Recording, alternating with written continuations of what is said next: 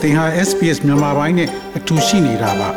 sbs.com.au/burmese မှာပုံမထူးခဲ့တဲ့သတင်းစာမားတွေကိုရှားဖွေပါ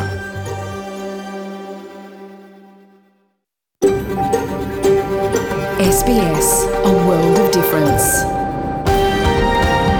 You're with SBS Burmese on mobile, online and on radio mobile online နဲ့ radio ပေါ်မှာသင်ဟာ SPS မြန်မာပိုင်းနဲ့အ တူရှိနေတာဖြစ်ပါတယ်သောရရှိမြတ်ကျက်တီမင်္ဂလာဖျားဖျားနဲ့ပြည်စုံတော်မူကြပါစားခင်ဗျာဒီနေ့မတ်လ15ရက်အင်္ဂါနေ့မြန်မာပိုင်းစီစဉ်များကို SBS Radio မှစတင်အသံလွှင့်နေပါရခင်ဗျာဒီနေ့စီစဉ်များကိုကျွန်တော်ကျော်ထွန်းအောင်ခေါ် Terror အောင်ကတင်ဆက်သွားမှာဖြစ်ပြီးယနေ့ပါဝင်မိစီစဉ်များမှာတော့ EU ကအစီအမံတွေတင်းတင်းကြပ်ကြပ်လှုပ်ဆောင်နေချိန်မှာပဲပူတင်ကနျူကလ িয়ার လက်နက်တွေကိုအသင့်အနေထားမှာထားလိုက်တယ်ဆိုတဲ့ဆောင်းပါသတင်းသမားစုရရှိတဲ့သတင်းသမားရုရှားတပ်ဖွဲ့ဝင်များတပ်ဖြတ်ခံရဆိုတဲ့သတင်းဆောင်မှာ AMA ကကားမောင်းစဉ်ဖုန်းသုံးသူများပေါ်ပုံမပြင်းထန်တဲ့ဒဏ်ပေးဖို့တောင်းဆိုဆိုတဲ့သတင်းဆောင်မှာ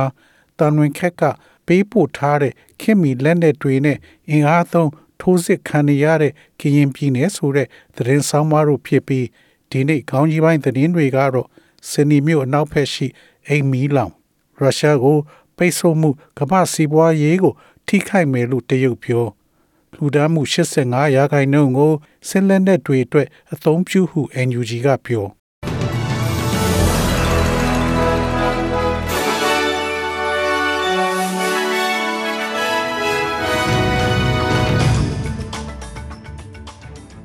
ယခုချိန်ကစပြီးသတင်းများကိုကျွန်တော်ကြော်ထုတ်အောင်ကစတင်ဖတ်ကြားပါတော့မယ်။စင်နီမြို့အနောက်ဘက်ရှိအိမ်မီလောင်ကျွမ်းစင်နီမြို့အနောက်ဘက်ရှိဘော်ဒါဆောင်တစ်ခုတွင်ညာတွင်ချင်းမီလောင်ကျွမ်းခဲ့ရာလူတဦးသေဆုံးက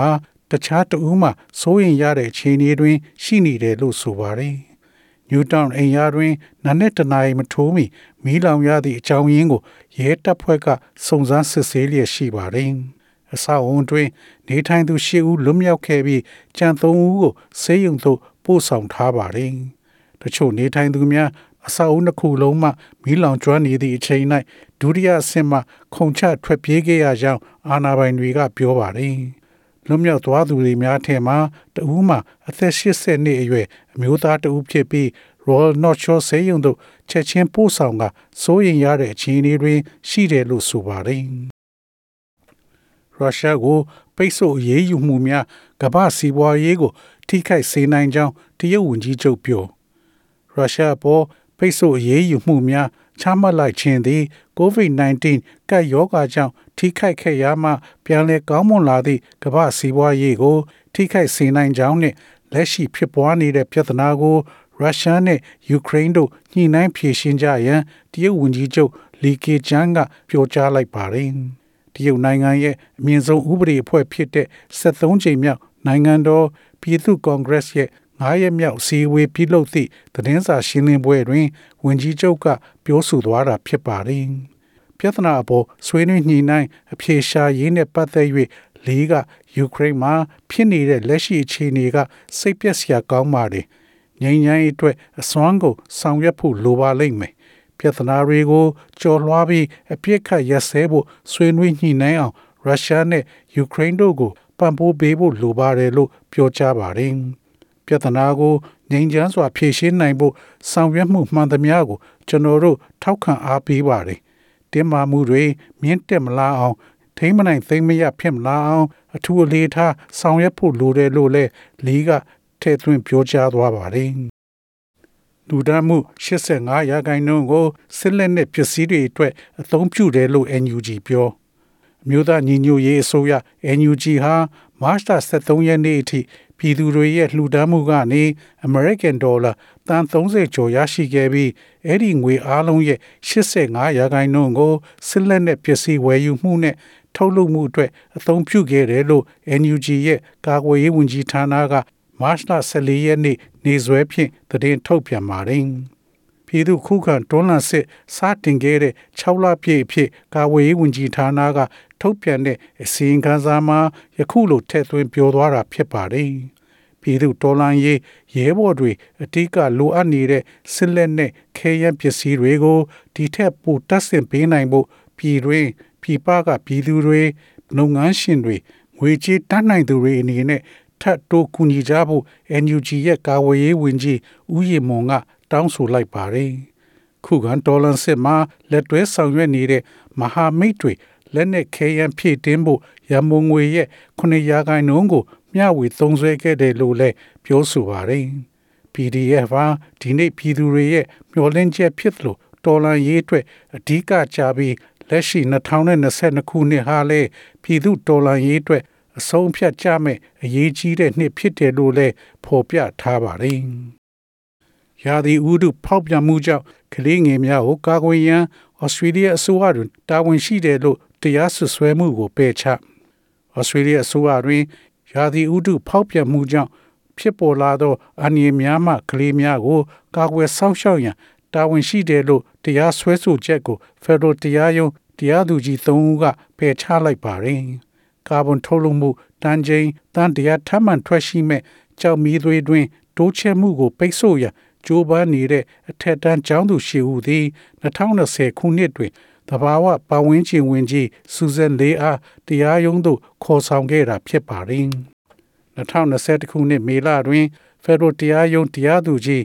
မော်ဒီကာဘရွန်ဘတ်သည်မိုင်းတွင်တိုးချဲ့မှုကိုရပ်တန့်ရန်၎င်းတို့ရဲ့ကမ်းလှမ်းမှုကိုပြန်လည်ရုပ်သိမ်းခဲ့တော်လဲ မိုင်းတွင်နဲ့ပတ်သက်ပြီးသူမရဲ့ဥရိပြုရေးရဆိုင်ရာဆုံးဖြတ်ချက်ချမှတ်သည့်အာဏာကိုကျင့်သုံးသောအခါတွင်ကလေးများရဲ့ကိုယ်ရေးကိုယ်တာထိခိုက်မှုမဖြစ်စေရန်မစ္စလေးတွင်ကြိုးကြောင်းစီလောစွာ ပြုစုစောင့်ရှောက်မဲ့တာဝန်ရှိကြောင်းဆုံးဖြတ်ခဲ့တာဖြစ်ပါတယ်။ကြောင်မီတွေစီမံကိန်းများအတွက်အစိုးရရဲ့အနာဂတ်ဆုံးဖြတ်ချက်များအတွက်တရားဥပဒေဆိုင်ရာစိန်ခေါ်မှုများအတွက် လမ်းဖွင့်ပေးမိအထင်ကရအောင်ပွဲတစ်ခုအဖြစ်ချီးကျူးဂုဏ်ပြုခံရပါတယ်။သို့သောမစ္စလေးသည်တွေးရှိချက်ကိုအယူခံဝင်မဲ့ဟုကြေညာပြီးနောက်မကြာမီခင်မှာပဲပြည်ထောင်စုတရားရုံးခုံတန်းတစ်ခုလုံးကသူမအားပြောင်းလဲထောက်ခံကြောင်းဆုံးဖြတ်ခဲ့တာဖြစ်ပါတယ်။မိုင်းကိုင်းမြို့နယ် TNP ပါတီဥက္ကဋ္ဌအပါအဝင်ဇနီးနဲ့ခုနှစ်လအရွယ်သမီးငယ်တို့အသက်ခံရ ပြီးခဲ့တဲ့ဇန်နဝါရီ10ရက်နေ့တွင်ပျောက်ဆုံးခဲ့တဲ့ရှမ်းပြည်နယ်တောင်ပိုင်းမိုင်းကိုင်းမြို့နယ်တအောင်းအမျိုးသားပါတီ TNP ဥက္ကဋ္ဌမိုင်းနုံဟန်ဘာဝင်းဇနီးတဲ့နှစ်ခုနှစ်လအရွယ်သမီးငယ်တို့အသက်ခံခဲ့ရပါတယ်။မိုင်းနုံဟန်ရဲ့ရုပ်လောင်းကိုဇနီးဘာဝင်းခုနှစ်လအရွယ်သမီးငယ်တို့ရဲ့ရုပ်လောင်းကိုမတ်လ9ရက်နေ့တွင်၎င်းတို့မိသားစုပျောက်ဆုံးခဲ့တဲ့မိုင်းကိုင်းမြို့နယ်တုံးလောရွာအနီး ပန်းပွဲရွာပိုင်းတောင်ရအထက်ရှိ ထူထပ်တဲ့တောထဲမှာကျင်းကြီးတစ်ခုအတွင်းတွေ့ရှိခဲ့ခြင်းဖြစ်ပါတယ်။၎င်းတို့မိသားစုကိုရှမ်းပြည်နယ်တမတော်ကဖမ်းဆီးတပ်ဖြတ်ခဲ့ခြင်းဖြစ်ကြောင်းမျက်မြင်တွေ့သူပန်းပွဲရွာကနဲ့ RCSS နဲ့တပ်ဖွဲ့မှထွက်ပြေးလာတဲ့တအောင်ပလောင်လူမျိုးတပ်သားတို့ကအတီးပြုကြောင်းသိရှိရပါတယ်။ RCSS တပ်ကမိုင်းနုံဟန်ကိုဖမ်းဆီးခြင်းမရှိကြောင်းညင်းဆိုထားတော်လဲ၎ င်းဖမ်းဆီးခံရခြင်းဇန်နဝါရီလ10ရက်တွင် တုံလောနဲ့ပန်းပွဲရွာတဝိုက်၌ RCSS တပ်ဖွဲ့သားရှိကြောင်းတုံလောပန်းပွဲရွာတာဝန်ရှိသူများရွာကများကအတည်ပြုပြောထားပြီးမဟာမိတ်တပ်ပေါင်းစုတို့ဇန်နဝါရီလ24ရက်မှသာတုံလောရွာဘက်သို့ရောက်ရှိကြောင်းပြောဆိုပါတယ်။မိုင်းနုံဟန်နဲ့မိသားစုရုပ်လောင်းကိုမတ်လ23ရက်တွင်တင်းကြိုရာလူထောင်နဲ့ချီလိုက်ပါပို့ဆောင်ခဲ့ကြောင်း သိရှိရပါတယ်။ SBS SBS SBS SBS SBS This is SBS Radio. ငွေလဲနှုန်းမှာတော့ Australian dollar ကိုမြန်မာကျပ်ငွေ1288ကျပ်ရရှိပြီး American dollar ကိုမြန်မာကျပ်ငွေ1986ကျပ်ရရှိပါတယ်။ Australian dollar ဟာ American 80စနစ်နဲ့ညီမျှပါတယ်။ မနေ့ဖြန် Australia တိုက်မှာရှိတဲ့မြို့ကြီးများရဲ့မိုးလေဝသခန့်မှန်းချက်ကတော့ဆင်နီမြို့မှာအပူချိန်25ဒီဂရီစင်တီဂရိတ်ရှိမှဖြစ်ပြီးမိုးရွာသွန်းနိုင်ပါတယ်။ Melbourne မြို့မှာအပူချိန်29ဒီဂရီစင်တီဂရိတ်ရှိမှဖြစ်ပြီးမိုးရွာသွန်းနိုင်ပါတယ်။ Brisbane မြို့မှာအပူချိန်28ဒီဂရီစင်တီဂရိတ်ရှိမှဖြစ်ပြီးမိုးတစ်ဖြောက်နှစ်ဖြောက်ရွာသွန်းနိုင်ပါတယ်။ Perth မြို့မှာအပူချိန်29ဒီဂရီစင်တီဂရိတ်ရှိမှဖြစ်ပြီးမိုးတိမ်သားများအနည်းငယ်ရှိမှဖြစ်ပါတယ်။ Adelaide မြို့မှာအပူချိန်33 degree centigrade ရှိမှဖြစ်ပြီးပူအိုက်မှဖြစ်ပါတယ်ဟိုဘယ်မြို့မှာအပူချိန်22 degree centigrade ရှိမှဖြစ်ပြီးမိုးရွာသွန်းမှဖြစ်ပါတယ်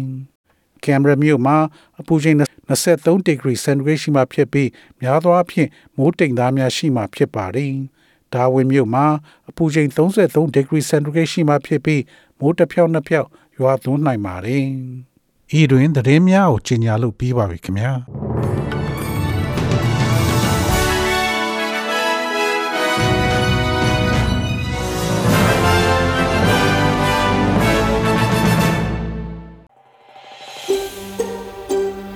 ။ဒါမျိုးသတင်းဆောင်မာတွေကိုပိုနားဆင်လိုပါလား Apple Podcast Google Podcast Spotify တို့မှာသင်ပင်ရာဖြစ်ဖြစ်ရယူတဲ့ podcast ကနေပါ